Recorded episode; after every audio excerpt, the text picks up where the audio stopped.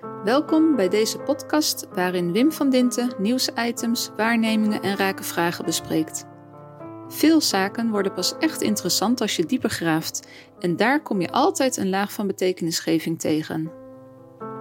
In de podcast van deze week hoor je het audiospoor van de vlog van Wim van Dinten waarin hij oplossingen biedt voor hoe je naar problemen kunt kijken, bijvoorbeeld rondom het toeslagenbeleid. Als je een probleem complex noemt, kijk je vermoedelijk met het verkeerde paradigma. Heb je de passende vorm van betekenisgeving te pakken, dan lost complexiteit op in grote eenvoud. Ja, goedemiddag, goedenavond. Ik krijg, nou, niet verrassend, na acht vlogs natuurlijk de vraag van, nou, het is allemaal heel interessant, uh, Van en uh, mooi, maar hoe werkt dat dan praktisch uit? er zijn allerlei problemen die, uh, die langskomen, maar ja, ik zie nog niet onmiddellijk hoe het anders gaat of anders kan als je meeneemt waar u het over hebt. Nou, dus ik, heb maar besloten nu eens een vlog te maken over hoe je een probleem dan oplost als je de, in bagage hebt waar ik het over heb.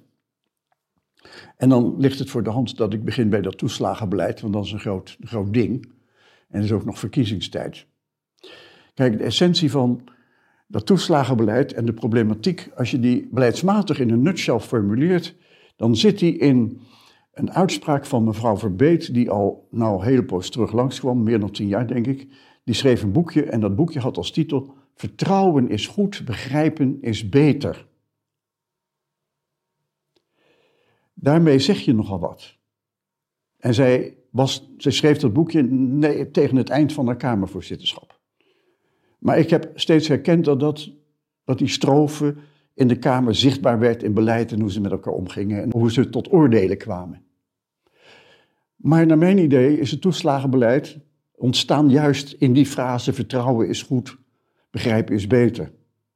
Je kunt het probleem pas oplossen als je uitgaat van de gedachte begrijpen is goed, maar vertrouwen is beter. En dat is een paradigmatische overgang. En als je die paradigmatische overgang begrijpt, hoe ziet die er dan uit? Dan heb je om mensen in een complexe situatie te helpen, mensen nodig die daarnaast komen te staan, proberen dat te doorgronden en te begrijpen, zich ermee te verbinden.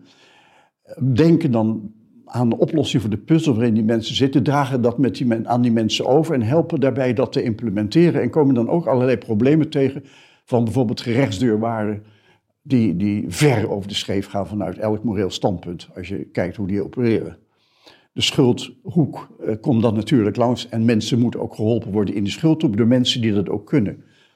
En er zijn in onze samenleving heel veel mensen die dat kunnen. In de groep ouderen boven de 60 zitten er ontzettend veel die dit graag zouden doen en ook de vaardigheden hebben. En er zijn ook organisaties die dat kunnen. Je moet het weghalen uit een overheidscontext waarbij je uitgaat van wetten en systemen. Je moet een organisatie hebben die in staat is uit te gaan van die mensen, Um, ook de mensen kan selecteren die zich kunnen verbinden met die mensen. Ze krijgen wel een opdracht van de overheid, los dit probleem op. En um, daar mag de overheid dan niet onmiddellijk een budget bij stellen, maar wel vragen voortdurend op de hoogte gehouden te worden van hoe zich dat evolueert. En je gaat dan aan de gang met die mensen om per geval dat op te lossen. En als je nou grofweg schat hoeveel tijd dat kost, je hoeft niet allerlei dossiers in bij belastingen, want je praat met die mensen en die weten precies wat er aan de hand is, hebben ook de spullen. Uh, die kun je dus ook vertrouwen, want daar gaat het om. Hè, dat je mensen gaat vertrouwen en dat ze niet begint met begrijpen, maar vertrouwen. Dat je dan een oplossing vindt voor die mensen en dat doe je dan pak een beet in anderhalve dag per geval. En dan heb je een lijn staan waarmee je het kunt oplossen. En dan zijn die mensen, uh, als ze die lijn hebben en vertrouwen, zijn ze, voelen ze zich niet alleen geholpen, maar kun je ook een traject in. Bij sommigen ben je gelijk klaar, bij anderen zal het nog een poos duren.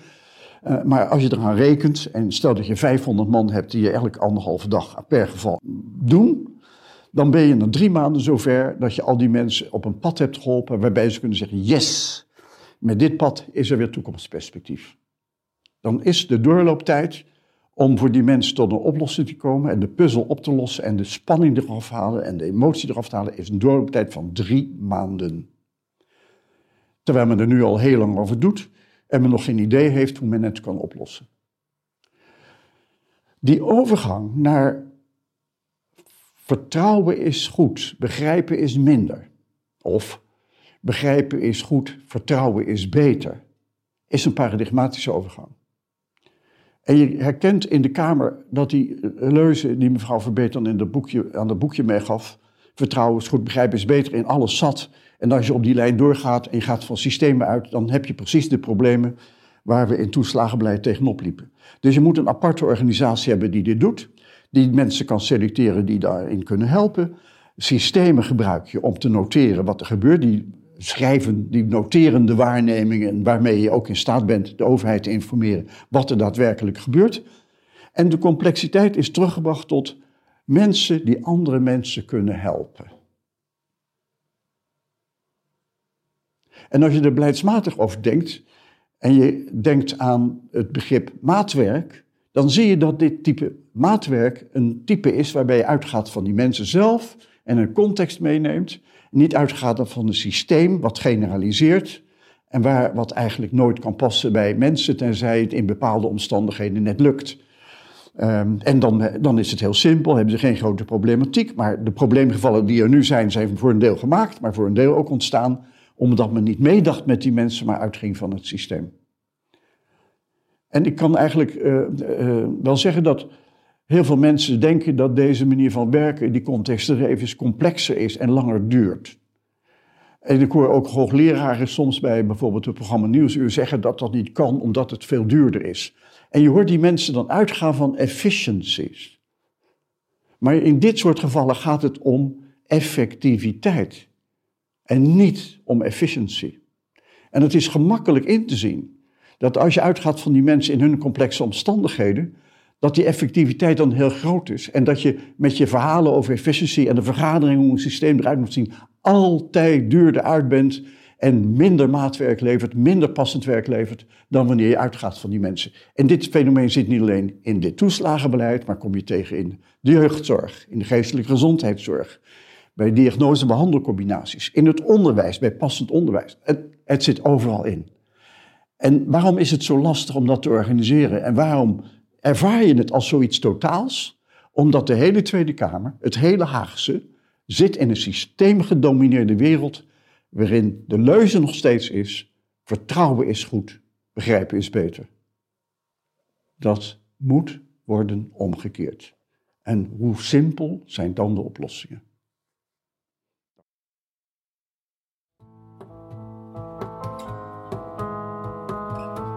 Ben je nieuwsgierig geworden naar de vlog van deze podcast? Klik dan op de link die je vindt in de omschrijving. Kom je iets tegen waar we met elkaar eens grondiger naar moeten kijken? Laat het ons weten. Stuur een berichtje naar czen, of via Facebook, LinkedIn of Twitter.